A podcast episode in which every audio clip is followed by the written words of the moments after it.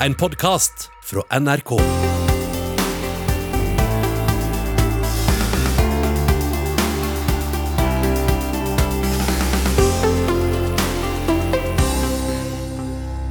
Føler du deg trygg, eller tenker du at verden har blitt et farligere sted? Heldigvis går de fleste av oss ikke rundt i hverdagen og tenker på alt som kan gå galt. Vi skal jo leve livene våre. Alle hverdagene. Men noen må planlegge for det uforutsette, forebygge kriser og katastrofer og sette inn beredskapen når uhellet likevel er ute. En av de viktigste, og som oftest mest usynlige oppgavene for stat og kommune og politikere, er derfor nettopp å undersøke, kjenne til, forebygge og være klar for at kriser kan inntreffe. Slik at de kan forebygge dem. Men også møte dem og redusere skade. Beredskap er krevende nettopp fordi det handler om å planlegge for det uforutsette. Velkommen til debatt i P2. I dag er det ikke ekko. I dag er det Tankesmien Agenda som skal lage radio her på kanalen. Jeg heter Sigrun Aasland, og jeg er nestleder i Agenda. I dag spør vi er vi klare for neste krise, og hva er den? Hva slags beredskap trenger vi i framtida? Og har vi lært noe av krisen vi lever gjennom akkurat nå?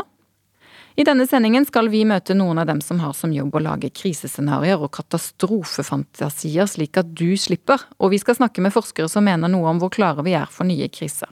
Blant annet. Men først.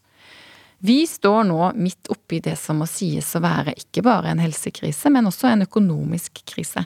Og en sosial krise. Fra koronaviruset først dukket opp i nyhetene for ganske nøyaktig ett år siden, gikk det fort før hele samfunnet var snudd på hodet. Ord som munnbind, hjemmeskole, karantene, kohort, smittesporing og nedstenging har blitt dagligtale, for ikke å snakke om hytteforbud, Teams-møter og énmetersregel. Hvor godt håndterte vi dette, og hva har vi lært. Sven Erik Mamelund, du er forsker og har studert epidemiske sykdommer i 25 år. Hvor godt forberedt var vi på denne pandemien, vil du si? Altså jeg mener at det der var en varsla krise, fordi Verdens helseorganisasjon hadde en ny pandemi på sin tid på toppliste for eh, globale helsetrusler. Eh, både i 2018 og 2019, altså rett før covid. Eh, og alle vi pandemiforskere har jo advart mot dette. Vi har jo hele tida sagt at det her er ikke snakk om om det kommer en ny pandemi, det er mer snakk om når. Eh, men vi har aldri visst eksakt hva slags type pandemi som eh, ville komme, altså hvor ille det kunne bli. Men så tenker jeg liksom, hvorfor all verden har da man blitt så tatt på senga når dette var en varsla katastrofe? Og jeg tror det er spesielt uh, høyinntektsland, og også i Vesten, har på en måte tenkt kanskje at dette med sånne stygge uh, historiske pandemier med høy dødelighet, det er noe som bare hører til historien. Dette kan ikke skje på nytt. og kanskje har man også trodd at det, hvis det skulle skje noe sånt på nytt, så ja, da skjer det kanskje bare i, lavinntektsland. Sånn som ebola, Vest-Afrika, Zika, Sør-Amerika. Dette er ikke noe som kommer til å ramme oss. Og så tror jeg kanskje også at fordi man liksom disse pandemier kommer tre til fire ganger hvert århundre, altså det kommer ganske sjeldent, så sitter man kanskje ikke og bruker masse ressurser til å forberede seg på noe som kommer sjeldent, og som har lav sannsynlighet for å bli veldig, veldig eh, ille. Og kanskje har man da tenkt at eh, ja, det blir sikkert litt sånn som i 2009 under svineinfluensaen, for da var det også en såkalt mild pandemi i hermetegn. Eh, og kanskje det blir mildt igjen, da. Og så har man ikke vært villig til å ta dette her helt på alvor. Irene Halvorsen, du er redaktør i Nasjonen. Eh, leverer avis til nær sagt alle landets kommuner. Hva vil du si har vært det, beste og det verste i krisehåndteringen denne gangen? Det vil jeg gjerne få svare på, men jeg har bare veldig lyst til å hekte meg litt på Mamelund. For jeg tror at han er inne på noe veldig essensielt, nemlig at eh, det er veldig vanskelig politisk ikke sant, å sette av nok penger og nok ressurser til noe som veldig mange tror ikke er veldig sannsynlige. Så hvis vi bare liksom hopper tilbake til 2013, så, så, er det jo ganske mange som tenker at de borgerlige vant valget i 2013 bl.a. Eh, ved veldig hardt å angripe Arbeiderpartiet og Stoltenberg-regjeringen for den sviktende beredskapen som ble avdekket etter terrorangrepene i 2011. Og så kommer 2020, og vi har ikke munnbind, og vi har ikke verneutstyr, og vi har ikke de liksom enkleste ting. Og jeg tror det sier noe om hvor vanskelig det faktisk er, da, politisk, å prioritere eh, beredskap.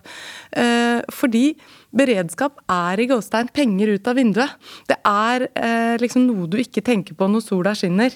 Eh, og det eh, Men som privatpersoner så tar vi jo den type forbehold. ikke sant? Vi forsikrer jo bilen, hus og hytta og bikkja til og med. ikke sant? For vi håper jo ikke at det skal skje noe gærent, men vi gjør det likevel. Men den eh, hva skal jeg si, den forsikringsordningen da, den er mer krevende eh, å ta høyde for eh, politisk. Så det tror jeg er en, eh, årsak. Eh, man har ikke lyst til å være sånn festbrems, du skal, være, du skal vinne valget igjen om fire år. Så du har mye å bruke de penga på.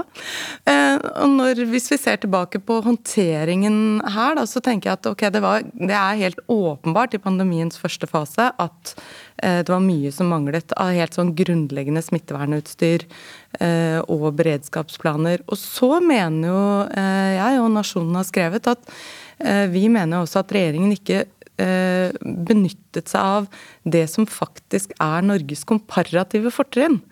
Eh, I en pandemi så er det et komparativt fortrinn at befolkningen bor spredt. Eh, det er en beskyttelse i seg selv. Det er en robusthet. Det kan man bruke til noe. Eh, og så forstår jeg selvfølgelig at det var veldig veldig usikkert. Det var masse man ikke visste. Man visste ikke hvor smittsom, man visste ikke hvor dødelig, og man var også redd for at man skulle kommunisere for komplisert. Men det å anerkjenne at forskjellighet også kan være robusthet, og at vår eh, spredte bosettingsmønster også er en beskyttelse i, eh, i denne type farer og kriser, det savner jeg. Vi har med oss eh, Silje Solstad også. Du er journalist og kommentator i avisa Nordlys. Fra der du sitter, hvor godt har vi som samfunn håndtert denne krisen, tenker du? Hvis vi tenker på eh, Nord-Norge, er det det du eh, spør om? Vi kan så, godt, ja. ja. Begynn med det. Eh, vi begynner med det. Nei, jeg hadde også lyst til å si noe om beredskap, bare litt kort. For selv om det var en varsla katastrofe og sannsynligheten for pandemier var, var stor, så, så hentet jeg frem en nyhetssak fra januar her og leste på i går. og Da var det smitteverneksperter i Norge og leger som ble intervjua av av journalister og spurte hvor sannsynlig er det at, at, vi får dette viruset som nå spredde seg i, i, i Kina. Og da var det en smittevernekspert som uttalte at det var like sannsynlig som å vinne Lotto tre uker på rad, at vi blir smitta av kinesiske turister. Og fra Nord-Norge så kjenner vi de kinesiske turistene. Det asiatiske turistmarkedet har eksplodert. Eh, og da mars i, i, kom, kom, i 2020, så, så var det flere tusen utenlandske turister i Tromsø i Nord-Norge for, for, å se på nordlys. Så, så, der har du på en måte Fra, fra Nord-Norge sitt ståsted så har vi jo blitt ramma eh, ganske hardt. Eh, men som eh, Irene nevner, så er vi et spredt eh, befolkning. Og vi har nok dratt stor nytte i Nord-Norge av at vi ikke bor så tett. Selv om Tromsø har vært en ganske rød, rød by til tider eh, også her. Så vi har jo eh, mista ganske stor andel flyruter, hvis vi ser på det økonomiske i nord. Eh, og det rammer jo ikke bare reiselivet på lang sikt, men også alle næringer som vi har som importerer arbeidskraft. F.eks. byggebransjen. Der henter vi en god del eh, eh arbeidere. Eh, men, men, i Nord-Norge så har vi jo ikke tog heller. Altså, vi har ikke tog eh, nord for Narvik. Så vi har veldig dyre fraktpriser, og de knytter seg både til sjøtransporten, men også flytransporten. Og kan tenke deg Finnmark, der er jo Widerøe er jo bussen i Finnmark, og prisene har jo gått ekstremt opp. Så på en måte næringen all over har eh, blitt ramma av de her dyre prisene.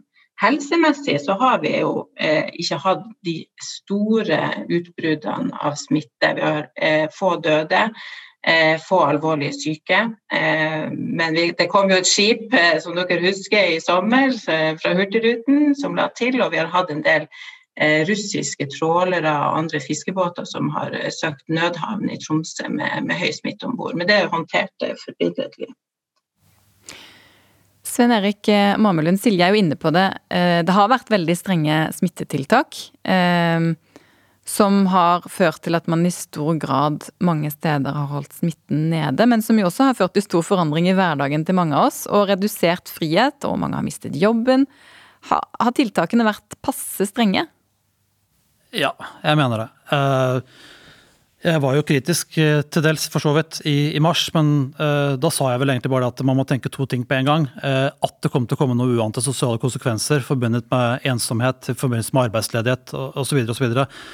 Uh, man må tenke to ting, en, to ting, på en, gang. Men altså, klart at det er vanskelig. Sant? Ta USA her. Vi, vi, snakker om frihet, økonomi og helse. Sant? I USA så satser de på frihet og økonomi på bekostning av helse. Det andre ytterpunktet, Kina, kanskje. Eh, ja, hva satser man på der? Helse og økonomi, kanskje på bekostning av frihet. Og Norge, hva prøver vi på? Vi prøver å sjonglere alle tre.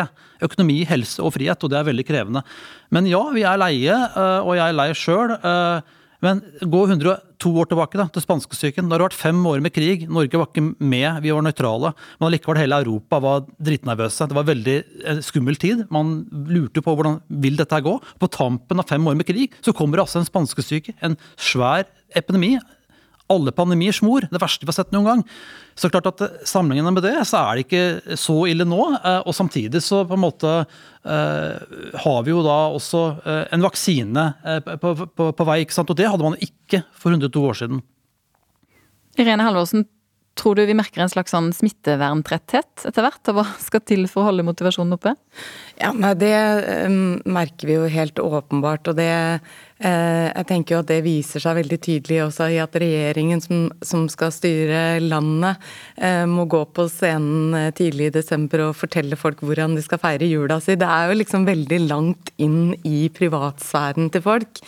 Så det viser jo noe om hvor utrolig krevende det er. Samtidig så er jeg helt enig med Mamelund her i at veldig mye er jo også håndtert svært godt, og viser jo også at politikk virker. Tidlig i desember så kom det nyhetsoppslag om at eh, Sverige var oppe i over 5400 smittede per døgn. Eh, på det tidspunktet så hadde Norge 370 80 smittede per døgn. Sverige nærmet seg på det tidspunktet 7000 døde, og Norge var på det tidspunktet eh, på rundt 330 døde. Så, så, det må jo også sies at eh, til tross for at dette var veldig ukjent for oss, så er det veldig mye med denne håndteringen som har gått meget, meget bra. Og selvfølgelig velsmurt av eh, det at vi er født på en utrolig heldig flekk på verden, da, hvor vi kan dytte inn oljepenger for å holde eh, folk økonomisk flytende, som er jo en veldig vesentlig del av det. Men det er klart man eh, blir lei. Vi er, eh, for å sitere en, en eh, norsk-pakistaner som var intervjuet i Aftenposten også tidlig i desember, vi er kosedyr. Vi klarer ikke dette så veldig lett. Så vi liker jo egentlig å være sammen, og det er jo en veldig god ting. ikke sant? At menneskene liker å være sammen. Um, Eh, så det, så det, er jo en del av bildet. Hvis jeg bare går tilbake også til det Silje Solstad sa, så syns jeg at hun reflekterer utrolig godt forskjelligheten. Fordi det er ikke nødvendigvis på en måte by mot land eller sentral mot distrikt, men det er forskjellighet i hele Norge. Ikke sant? En, eh, sånn at hurtigruteanløp eller det at du er reiselivskommune gjør deg mer eksponert. Men likevel så var det jo sånn i pandemiens tidligfase i hele den første bølgen, så var det tre av fire norske kommuner som ikke hadde et eneste smittetilfelle. Så det, dermed så ligner håndteringen Jeg fikk i hvert fall en sånn assosiasjon litt det samme som i 2015-2016, da PST økte trusselnivået. Og det var helt opplagt økt trusselnivå eh, og terrorfare i Europa. Og da ble norsk politi bevæpnet i nesten et helt år. Over hele landet. Som om absolutt alle deler av landet er like mye terrorutsatt. Om det er Senja eller Vesterålen eller, eller eh, Kløfta eh, i forhold til liksom, hovedflyplassen på Gardermoen eller en oljeplattform. Og den manglende evnen til å se forskjelligheten i vårt samfunn. Jeg tror det er dyrt, og jeg tror det er dårlig. Og jeg tror rett og slett at det er en større oppdrift i å klare å få til en større forskjellighet i politikken og det operative, da. Hva tenker du om det, Silje Solstad? Ja, jeg er helt enig med Irene Halvorsen der. fordi uh, I starten så var motivasjonen høy over hele landet, tror jeg, til å, å uh, bøye seg etter uh, strenge smitteverntiltak, uansett hvor smitten var henne. Etter hvert så har vi jo fått bedre håndteringsmuligheter. Vi slår ned lokale smitte når de dukker opp. Eh, så nå i Nord-Norge, og spesielt her i Tromsø, der utelivet er, er, har de samme reglene eh, som i Oslo, så begynner trettheten å vise seg i form av at man har ikke tillit lenger til de tiltakene fordi at det er urettferdig. Fordi at eh, de lokale forholdene ikke tilsier å ha sånne strenge tiltak. Og da tenker jeg, i et samfunn som har så, såpass høy tillit, og det tror jeg er forskjellen på Norge og Sverige litt her også, at ja, vi er frihetselskende og vi har det liberale til grunn for vårt demokrati, men vi er ganske lydige, lydig folk i bunn, og vi har høy tillit til våre eh, myndigheter og politikere. Eh, som gjorde at vi lyktes veldig godt med å innføre de her tiltakene og, og bøye oss etter dem. Men nå som trettheten kommer, du får, eh, du, får, såpass store variasjoner gjennom landet, du får store utslag, forskjellige utslag, så er det jo mange som spør seg her hvorfor skal vi ha de samme strenge reglene som eh, dere i Oslo. Eh, holdt på å si. Eh, det, det, oppleves urettferdig, og da tror jeg man får eh, motstand mot tiltak. Mm. Dere har vært inne på flere av dere at uh, i mars særlig så var det veldig mye vi ikke visste. Uh, mens nå etter hvert så har man jo forhåpentlig uh, lært litt mer, da. Er feilene fra i går og feilene fra mars rettet opp, eller er det noe som fremdeles henger igjen? Har vi blitt bedre på noe av dette over tid, tenker du Irene? Ja, det tror jeg vi absolutt har. Og helsevesenet har jo også vist en helt utrolig eh, evne til veldig raskt å skaffe seg kunnskap eh, om både selve viruset og effektene på, på menneskekroppene. Sånn at eh, dødeligheten har jo falt. Eh, og flere som kommer inn på sykehus blir ikke like alvorlig syke fordi de skjønner mer av eh, viruset. Så, så jeg tenker at det er en sånn voldsom læring, veldig bratt læringskurve både politisk og operativt i mange deler av samfunnet. Det syns jeg er veldig imponerende. Forskningen går på høygir. Eh, både, både den generelle helseforskningen og ikke minst vaksineutviklingen, som er jo veldig imponerende samarbeid mellom privat og offentlig sektor og globalt. Så det er jo absolutt imponerende. Og så tenker jeg at i sånne ulike faser så oppstår det jo på en måte nye utfordringer. da, Sånn at i denne fasen så savner jeg kanskje klasseperspektivet, det sosioøkonomiske, mer. Um, fordi nå er jo tiltakene sånn at for mange av oss som har eh, jobber som er mulig å håndtere fra et hjemmekontor, så er dette ensomt, men håndterbart. Men to tredjedeler av Norges befolkning har ikke høyere utdanning. De jobber i helt vanlige jobber eh, i turnus ute blant folk, og kan ikke beskytte seg på, på samme måte. Sånn at eh, tiltakene, både de smitte smittevernmessige, men også de økonomiske og omsorgen må jo da dreies, eh, sånn at det ikke blir eh, sånn at de som er eksponert mest for smitte gjennom faktisk å gjøre jobben sin, i tillegg blir de som skal eh, hva skal jeg si, bære en sånn slags skambelastning for at smitten ikke er slått ned. Det, det tenker jeg er, det er urovekkende, da. Svein Erik? Ja, der er jeg helt enig. Jeg har på en måte sett én gruppe da, som på en måte har vært eh, ekstra utsatt, eh, eh, eller hele veien egentlig, og det er innvandrere. Så på en måte jeg føler at det som på en måte egentlig man ikke har helt greid å ta opp i seg hele veien, egentlig, helt fra starten av, er på en måte å ta høyde for sosial sårbarhet da, i tillegg til medisinsk eh, sårbarhet. og Det har på en måte vært en av mine kjepphester hele tiden. At man må på en måte nå tenke også annerledes nå, når vaksine kommer. Eh, at det ikke bare handler om eh, medisinsk eh, sårbarhet. Det er selvfølgelig veldig viktig, og alder. Eh, men Så man kan godt tenke seg at man kanskje skal diskutere om Ikke bare skal det være slik at kanskje disse bydelene i Oslo som har høy smitte, skal prioriteres for vaksine. Jeg vil si det på en annen måte. At man skal kanskje Eh, prioritere bydeler eh, som har levekårsutfordringer for vaksine, f.eks. Det kan godt hende at man skal også prioritere såkalte lavstatusyrker. så at det er enkelte lavst, såkalte lavstatusyrker, om det er sjåfører eller reserveringspersonale, som også har vært høyt oppe på smittestatistikken. Eh, og, så det er på en måte andre innganger til det her også enn medisinske, som jeg på en måte har etterlyst lenge. Silje, hva tenker du om den mer økonomiske fordelingen av smittevernstiltak og, og smitte? Ja, den Koronapandemien har jo satt flombelysninger på de skjevhetene som vi vet eh, har ligget i samfunnet.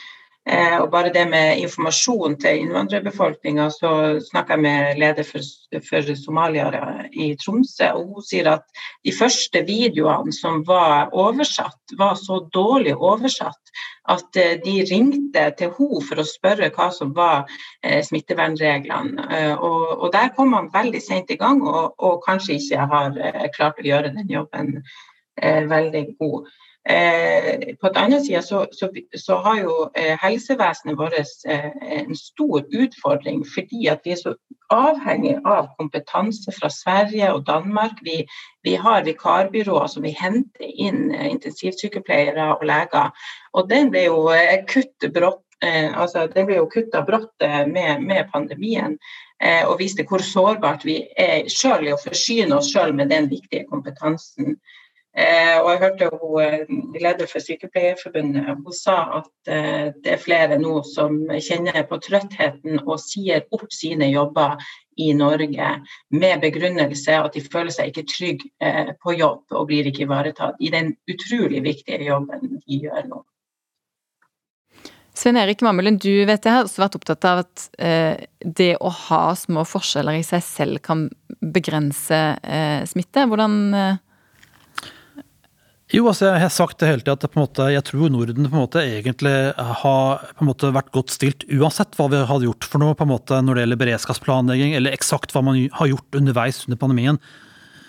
For det viser seg på en måte det å ha lite sosial ulikhet på ulike fronter i samfunnet, det gir mindre ulikhet i eksponering. Altså når det gjelder trangboddhet f.eks., yrkeseksponering eksponering i forhold til hvem som kan jobbe hjemme osv., så som det ble tatt opp her i stad.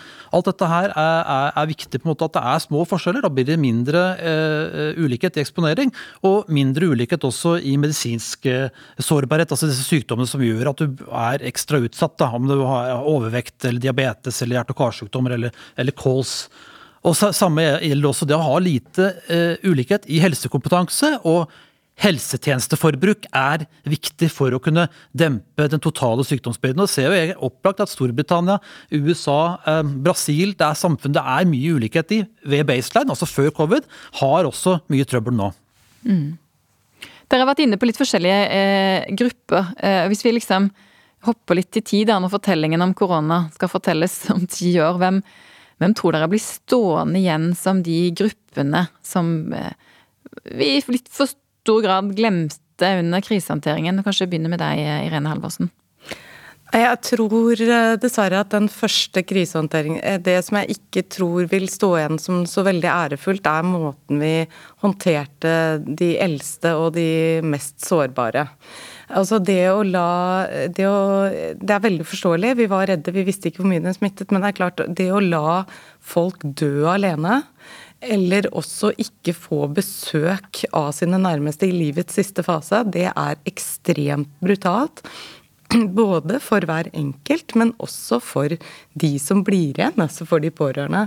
Så det tror jeg kommer til å stå igjen. Og så tenker jeg, hvis man skal ta den positive motsatsen til det, da, så har eh, Nasjonens kommentator Kari Gåsvatn skrevet en synes jeg, veldig livsbejaende betraktning rundt det å være gammel i en krisesituasjon. Fordi det hun etterlyste, var på en måte eh, samfunnets vilje til å se de, altså se de, eldres krisekompetanse. Mange i mange, altså De av oss som kanskje har minst forståelse for krise i Norge i dag, er jo sånne som deg og meg, ikke sant? som har vokst opp på 60-, 70-, tidlig 80-tall Eh, med liksom Vi har jo bare hatt smørsida, liksom. Og har, noen prater litt om krigen og at det var tøft og sånn, men, men, det er jo liksom den eldre befolkninga har jo en, en krisekompetanse, en, en, forståelse av hvordan det var uh, at det var tøft, som man kanskje kunne brukt til noe positivt, da, istedenfor bare liksom stue de bort i et hjørne eh, og passe på det.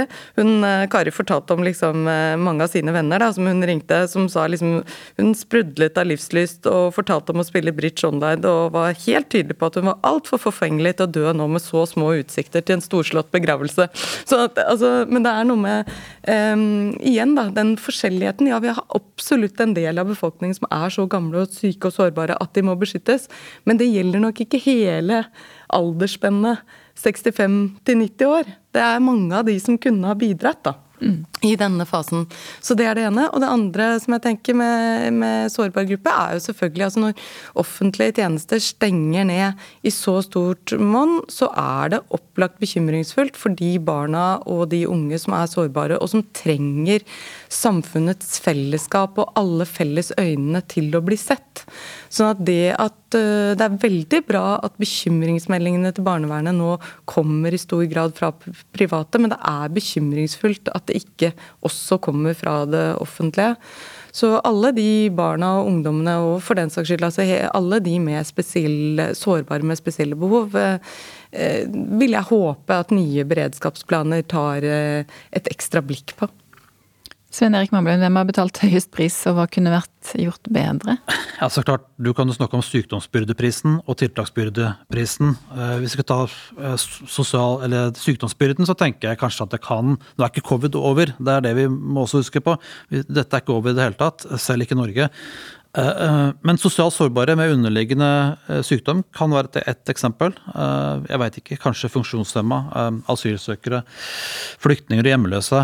Innvandrere ser vi fortsatt, dessverre, på statistikken er høyt oppe. Både på smittetilfeller og, sykehusinnleggelser. og Dette er grupper som Verdens helseorganisasjon har på en måte bedt medlemslandene om å sette ekstra fokus på, men jeg har ikke sett så mye debatt om det egentlig i Norge. Også da I tillegg til liksom selvfølgelig helsepersonell og kronisk syke og, og, eldre. Da. Men så har du selvfølgelig den der eh, tiltaksbyrdepotten. Så klart der har vi jo sett at det igjen, dessverre, så er det innvandrere som har hatt høyest eh, ledighet eh, pga. Eh, tiltakene. Og det er de yngre, og det er folk med kort utdanning og, og lav inntekt. Eh, så det er disse gruppene her. Så det er dem vi også må på en måte passe ekstra på nå framover. For jeg sier jo liksom at det her med å redusere sosial ulikhet er fortsatt god beredskap. Og den har kanskje økt også, særlig pga. at tiltaksbyrden da, har gitt mer uh, uh, ulikhet i Norge, tror jeg. Og det må vi være obs på nå framover. Mm. Silje Solstad, med den byrdefordelingen som, som, du og de andre snakker om, hva tenker du, hva kan vi lære av dette? Hva er de viktigste grepene som må tas før neste krise? Ja, jeg tror litt i tråd med det Svein Erik Mammelund sier, at eh, det at vi ikke Vi er jo ikke helt i mål heller, men jeg tenker at i ettertid så vil vi måles på hva gjorde vi når vi skulle bygge opp igjen samfunnet her. Eh, klarte vi å se på disse sosiale ulikhetene, de her skjevhetene som har kommet frem i lyset så sterkt i løpet av koronaen. Både med tanke på hvordan vi bemanner helsevesenet, hvordan vi belønner eh, og lønner folk, eh, men også hvordan vi løfte løfter folk ut av, eh, av uh, arbeidsledighet f.eks. Og før korona så var det jo stor bekymring rundt en yngre eh, gruppe, stor gruppe arbeidsledige som, eh, under 30 år som, som, ikke har utdanning, fullført utdanning, og som ikke kommer inn på arbeidsmarkedet. Hvis ikke Norge etter denne krisen eller nå eh, begynner å bygge opp noen fundamenter der vi klarer å fange opp de her ulikhetene, så tror jeg denne høye tilliten vi har i samfunnet på, på sikt vil forvitre.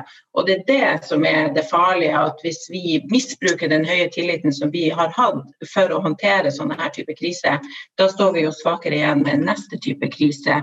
Har større misnøye, har stor ulikhet, folk som ikke føler seg sett og inkludert, og som blir tatt med i, i Norge. Så der tror jeg vi har litt å se på. Det ble eh, siste ord. Tusen takk til eh, Irene Halvorsen, sjefredaktør i Nasjonen, Sven Erik Mamelund, forsker ved Oslo OsloMet, og Silje Solstad, journalist og kommentator i Nordlys. Du hører Debatt i P2, og vi snakker om kriseberedskap. Hva kan ramme oss av kriser, og er vi forberedt? Selv en pandemi som vi visste kunne skje, kom litt som en overraskelse, har vi fått høre. Mye har gått bra, men noen har betalt en høyere pris enn andre. Jeg heter Sigrun Aasland, og jeg er nestleder i Tankesmien Agenda. Og det er vi som har regien her i dag på P2, og snart skal vi få høre litt om hva vi kan vente oss av neste krise.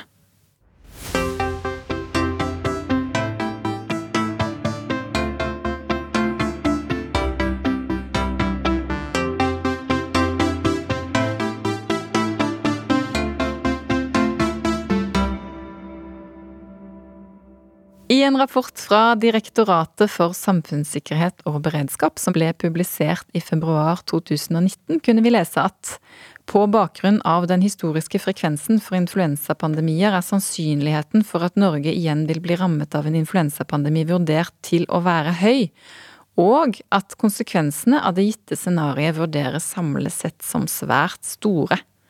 Den samme rapporten anslo at en slik tenkt pandemi kunne medføre 8000 dødsfall og koste samfunnet 20 milliarder kroner i tapt verdiskaping og høyere helseutgifter. I virkeligheten ble dødsfallene mye lavere og kostnadene mye høyere. Det skal vi komme tilbake til. Først skal vi høre hva ekspertene mener vi bør frykte i framtida. Du hører Debatt i P2, og jeg heter Sigrun Aasland. Jeg er nestleder i Tankesmien Agenda, og det er vi som har ansvaret for denne sendingen. Få av oss som lever i Norge i dag, har opplevd krig, men landet vårt har opplevd terror. Stadig flere har også fått merke mer ekstremvær, og mange har fått eiendom og livsgrunnlag ødelagt av ras, brann, tørke og orkan. Hva som kan inntreffe kommer også litt an på hvor du bor. Bor du på et lite sted, kan det hende du lar døra stå ulåst, så antagelig uroer du deg sjelden for bilbrenning, vold og kriminalitet. Samtidig opplever du sannsynligvis at avstanden til sykehus, ambulanse og politi er lang når uhellet først er ute. Bor du i en større by, vil du kanskje oppleve at kriminalitet, vold og annen uro er nærere, og at avstanden mellom folk er større. Likevel er blålysene nærmere når de trengs. Noen steder kan styrtregn og flom innimellom skape store forsinkelser og problemer, mens i andre områder er ras og skred mer nærliggende. Elisabeth Sørbø Aarsæter, du er direktør for Direktoratet for samfunnssikkerhet og beredskap, og dere har visst lenge at en pandemi kunne komme, og vurdert den som ganske sannsynlig. Dere er, sammen med andre som lager risikovurderinger, ganske gode til å spå. Pandemi ble regnet som en sannsynlig krise, og den skjedde. Skipskollisjon på vestlandskysten ble regnet som en sannsynlig krise, og det skjedde. Høyreekstrem terror ble regnet som sannsynlig, og det skjedde også. Hva blir det neste? Ja, hva blir det neste? Det kan man jo um, egentlig um, dele i to, det, den refleksjonen rundt det. Det ene må være at det, det neste blir noe som ligner mer på det som har vært, og det er jo mest sannsynlig. Fordi vi bor i et land hvor det er uh, mye vær, det er lang kyst, det er uh, ja, det er, det er, mye av alt, egentlig, av det som kan gå galt, som du akkurat nevnte nå. Slik at det er mest sannsynlig. Men så er det da jakten på den ukjente krisen da, som er den som vi tenker mest på, rett og slett. Og Derfor så, så, må svaret på spørsmålet ditt bli at vi må forberede oss både på det som vi kjenner best, det er jo faktisk bare der vi kan forberede oss skikkelig, og så må vi hele tiden ha i tankene at vi må kunne bruke kjent kompetanse inn i ukjente scenarioer, altså i kriser som vi faktisk ikke har sett. Men pandemien, når den blir framstilt som en krise vi ikke så, så er nok ikke det helt riktig, akkurat som du sa. Den har vært pekt på ikke bare av DSB, men av mange. Og noen har også eh, brukt den til å trene og har vært mer forberedt eh, kanskje enn man skulle tro når man bare leser avisoverskriftene. Mm. Burde vi være mer bekymret enn vi er for det trusselbildet vi står overfor? Altså det Hvis bekymring bare fører til uro og angst, så skal man ikke være mer bekymret. Men jeg lever jo av å være bekymret. Det er jo det man skal være i DSB. Og da skal det tas ut i at man er forberedt gjennom at man ser på hvis en, hvis en, krise skjer nå, hvordan vil jeg og min bedrift, min virksomhet, bli rammet av den? Og hva må jeg gjøre for å håndtere eh, den på best mulig måte? Så ja, staten skal selvsagt være bekymret, men befolkningen eh, skal bare ha sin del av det, og ikke ta bekymringene for sterkt innover seg. Mm. Når vi snakker om hvilke utviklingstrekk, og når dere skriver om hvilke risikoer vi står overfor, så kommer man ikke utenom endringer i naturen. Eh, og klimaendringer som gjør at vi får varmere vær, f.eks. Hvordan påvirker det risiko for kriser fremover? Klima påvirker risiko helt åpenbart på alle de måtene som vi ser. altså Med regn, styrtregn i by er f.eks. et eh, flom, flom, i by er en, eh, et scenario som ikke vi har eh, prøvd i praksis, men som virkelig er alvorlig. Men klima påvirker oss også på den måten at at man får folk på flukt, man kan få arbeidsledighet, man kan få sosial uro pga. Eh, klimaendringer. Og det er jo selvfølgelig en, eh, en krise som, eh, som, ikke vi har sett i Norge, men som, som vi virkelig må planlegge for. Mm. Hans Sverre Sjøvold, du er sjef for Politiets sikkerhetstjeneste, og dere i PST har pekt på at stadig mer av trusselbildet også er digitalt. Vi kan rett og slett bli hacket, satt ut av spill fra en annen kant av verden. Eh, hva er det som gjør at dette ikke bare er irriterende, men farlig for folk og for landet? Ja, det er jo digitaliseringen som har ført til at vi blir sårbare. og det er jo litt interessant at vi i Norge av og til i sikkerhetssammenheng har en diskusjon om hvor tykke murene er, men vi bruker kanskje litt mindre energi på å finne ut hvordan vi skal beskytte informasjonen vår, eh, infrastrukturen vår. Så vi er absolutt sårbare dersom ikke vi beskytter oss. Eh, og vi opplever jo at eh, andre stater søker å hente ut informasjon fra våre datasystemer, våre servere og kan bruke de til å svekke vår egen evne til eh, å beskytte oss.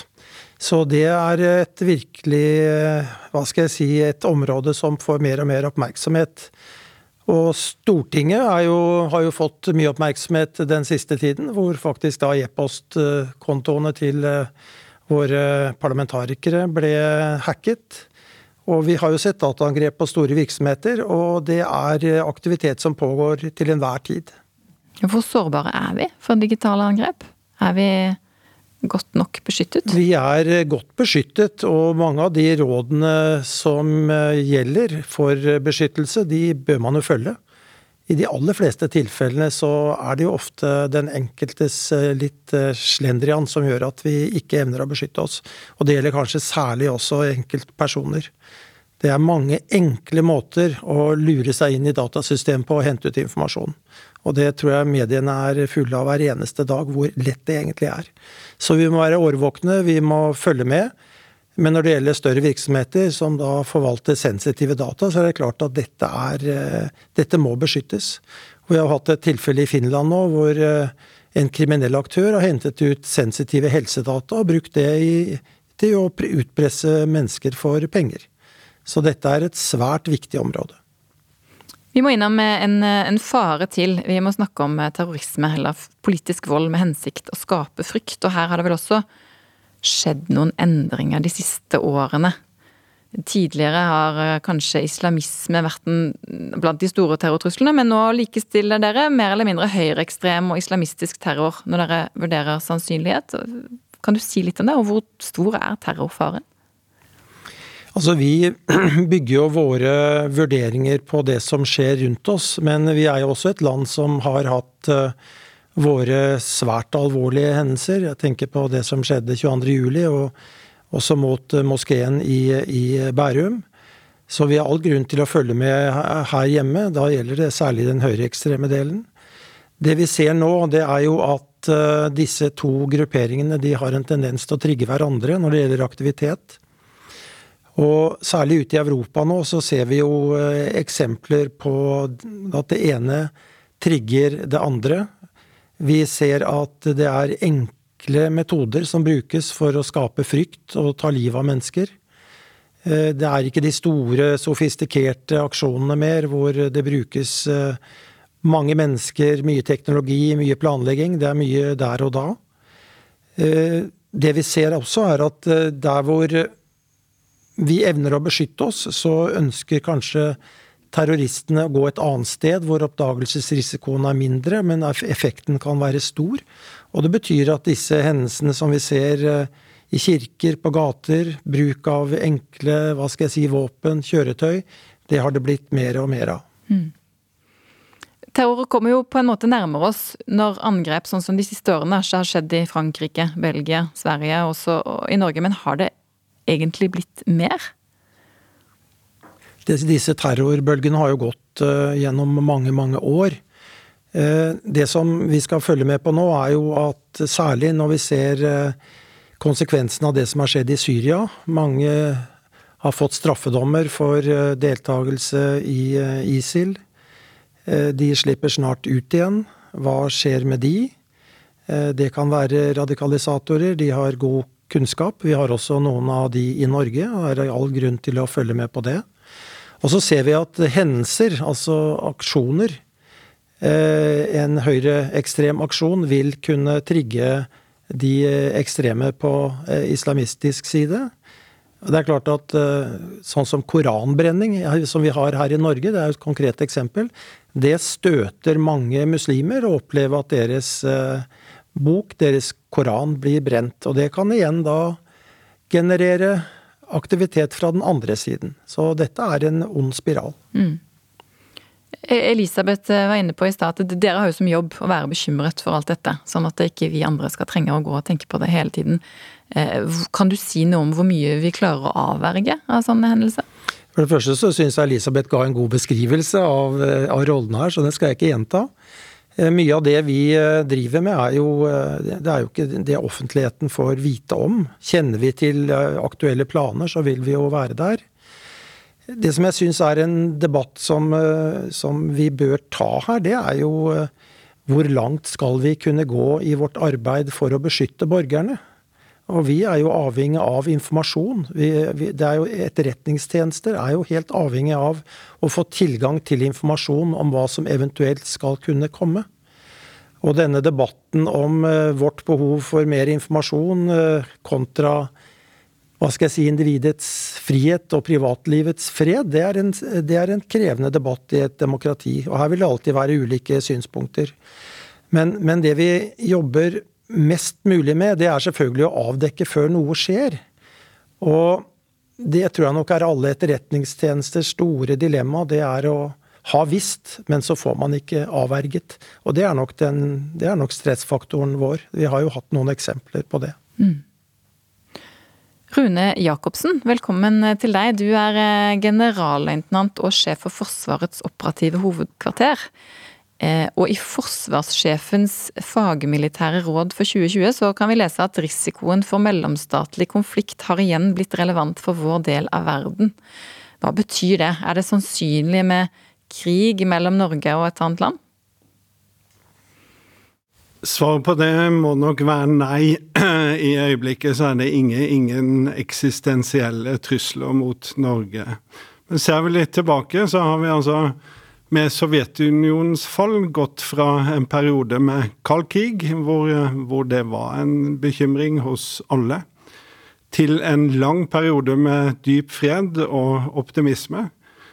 Og så ser vi at uh, Russland og Kina har reist seg som selvhevdende stormakter igjen. Og med annekteringen av Krim innblandingen fra russisk side i konflikten i um, Ukraina og Syria, i kombinasjon med en rekke andre virkemidler, tidligere omtalt som hybride aktiviteter, men vi ser en ny dynamikk hvor alle statens virkemidler brukes i å påvirke demokratiene våre, påvirke valg, vi ser økt spionasje osv. Så, videre. så vi lever eh, nå i en tid hvor den globale verdensorden er utfordra, og det er usikkerhet. Så uforutsigbarhet er vel et bedre ord.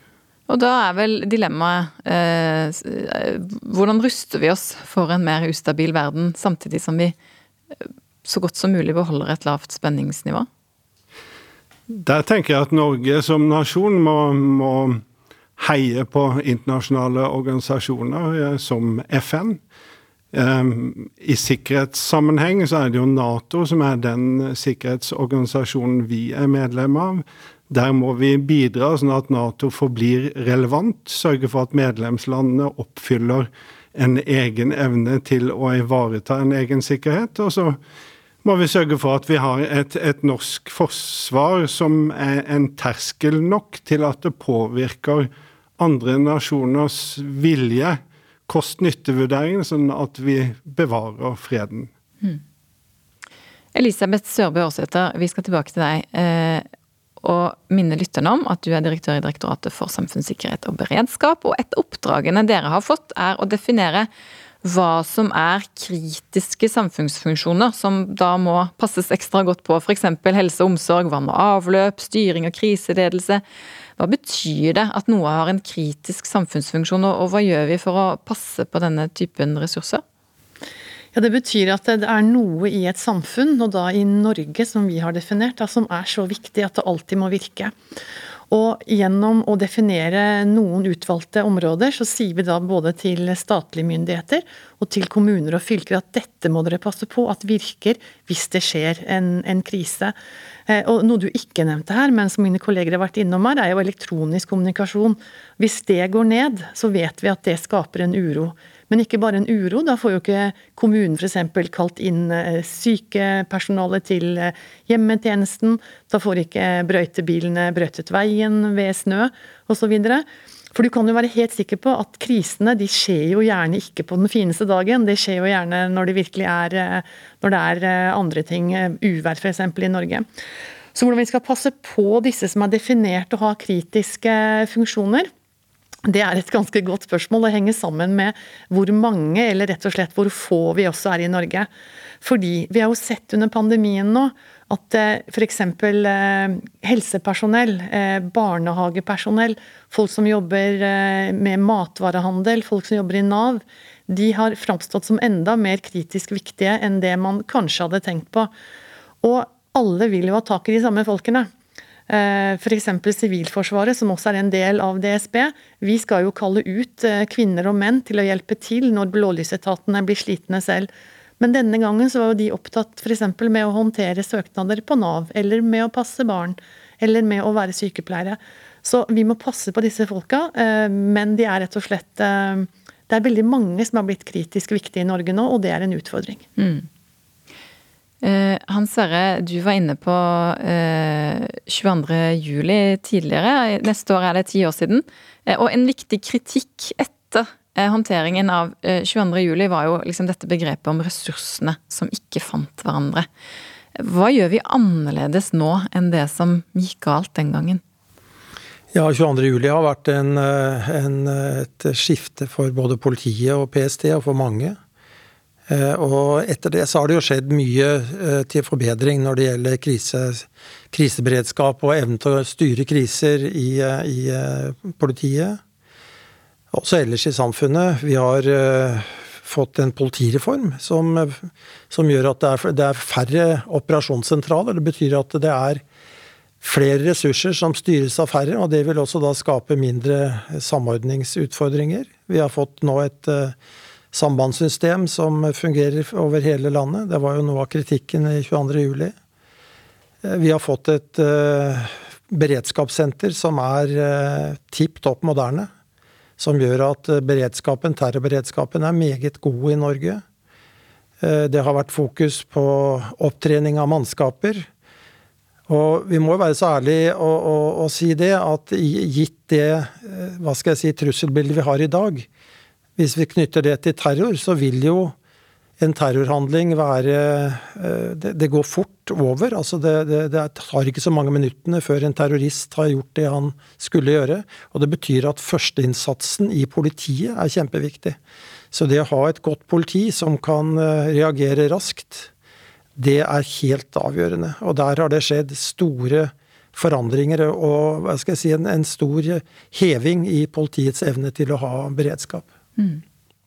Rune Jacobsen, jeg har lyst til å spørre deg nå. Vi står jo midt i en krise nå også. og Det har jo vært noen eksempler gjennom koronapandemien på at det har blitt ytt støtte på tvers. Heimevernet har bidratt til grensekontrollen på Gardermoen, og telt fra Forsvaret ble satt opp utenfor Drammen sykehus, blant annet. Har vi blitt bedre på samhandling på tvers av ulike sikkerhetsetater?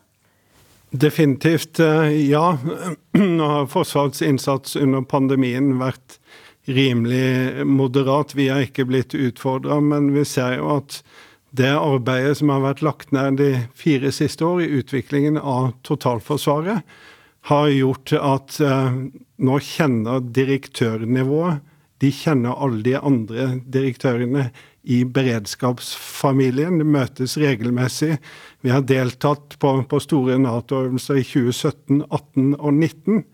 Eh, sånn at det er jo en helt annen kommunikasjon på tvers av sektorer i dag, som følger av det her veldig målretta arbeidet. Og jeg mener vi kan se det under pandemien nå, at disse ressursene fant, fant hverandre på bakgrunn av tillitsskapende virksomhet, øvelser som har vært gjennomført de siste årene.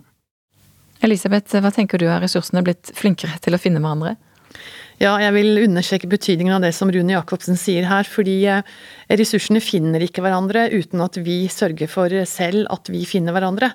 For ressursene, hvem er det? Jo, det er vi. Eh, og Derfor så har det vært eh, helt vesentlig for, for Forsvaret, DSB og, og politiet og PST her og andre viktige etater å sette seg rundt samme bord. Og Da har det vært et eget program de siste fire årene for det. Det handler om at eh, min situasjonsforståelse den må jeg sjekke ut med de andres situasjonsforståelse, slik at jeg ikke agerer på noe som jeg tror er, er virkeligheten. For virkeligheten den er veldig subjektiv. Så hvordan best bygge et situasjonsbilde sammen, det gjøres rett og slett ved at man blir kjent, at man kaller inn eh, hverandre når det brenner, men også når det er helt rolig. Og at vi trener på de helt sånn grunnleggende tingene på òg. hvordan forstår du dette, hvordan ser dette scenarioet ut med ditt, eh, med ditt, blikk, og hvordan når jeg deg, ikke minst det siste. For det har altså ikke vært enkelt. Eh, det er en del ting som, er, eh, som gjøres litt vanskeligere enn det egentlig trenger å være. Og jeg vil bare støtte det som Sjøvold sier her også, at etter 22.07 så har man vært veldig opptatt av å trene på nettopp at ressursene skal finne hverandre, og det å dele virkelighetsbildet.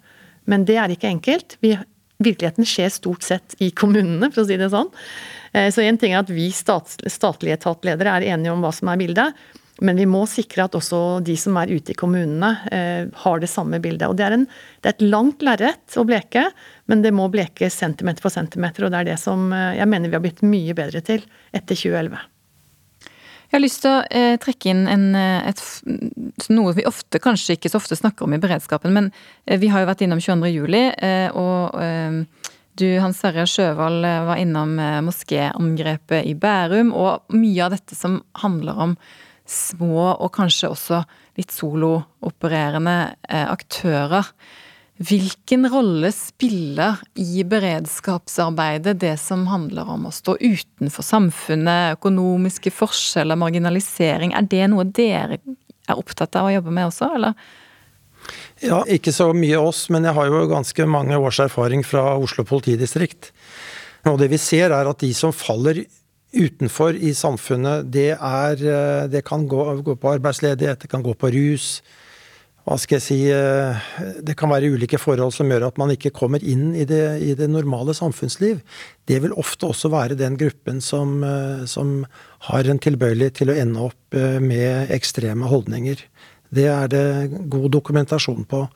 Så det å leve i et godt og balansert samfunn, det er kanskje den viktigste forebyggingen vi har når det gjelder terror. Eh, og det som også er en utfordring, det er at for 20 år siden så kunne vi stå utenfor et lokale et eller annet sted i Oslo eller et annet sted i Norge og finne ut hvem dette var. Hvem er de potensielle kandidatene til å bli radikalisert, det er ikke så enkelt i dag. For vi ser jo begge de terrorhendelsene vi har hatt eh, i Norge, både 22.07. og denne Bærum-moskeen. Det er jo personer som vi ikke har evnet å fange opp. Så både god jeg vil si, kriminalitetsforebygging i, i nærmiljøene Jeg tror det som Aarsæter er inne på, dette med Velfungerende kommuner, god interaksjon mellom individer, kommunale og offentlige myndigheter, det betyr mye. Få folk i jobb.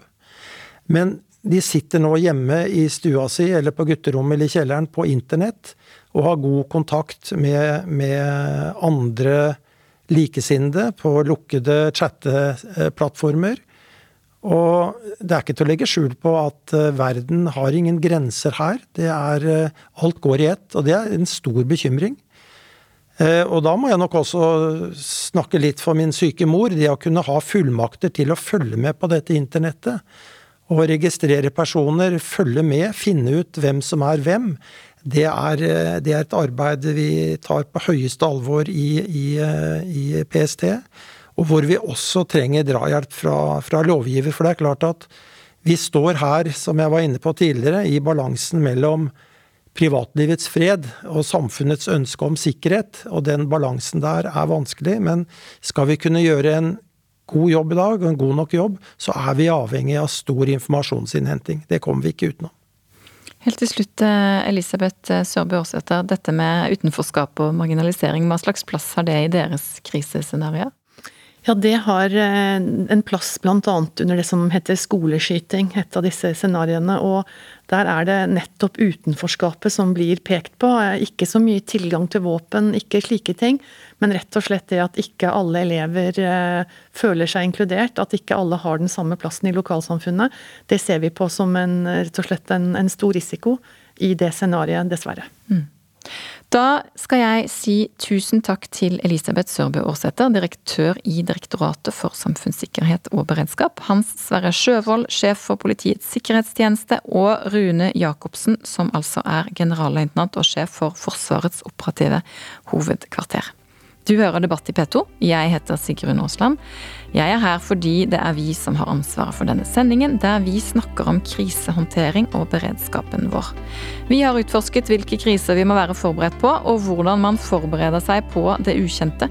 Vi skal utforske nærmere akkurat hva vi bør gjøre, og vi skal høre fra forskere og fra bønder og arbeidere. Det skjer i den neste timen her i P2. Nå skal du først få nyheter, og så høres vi om litt.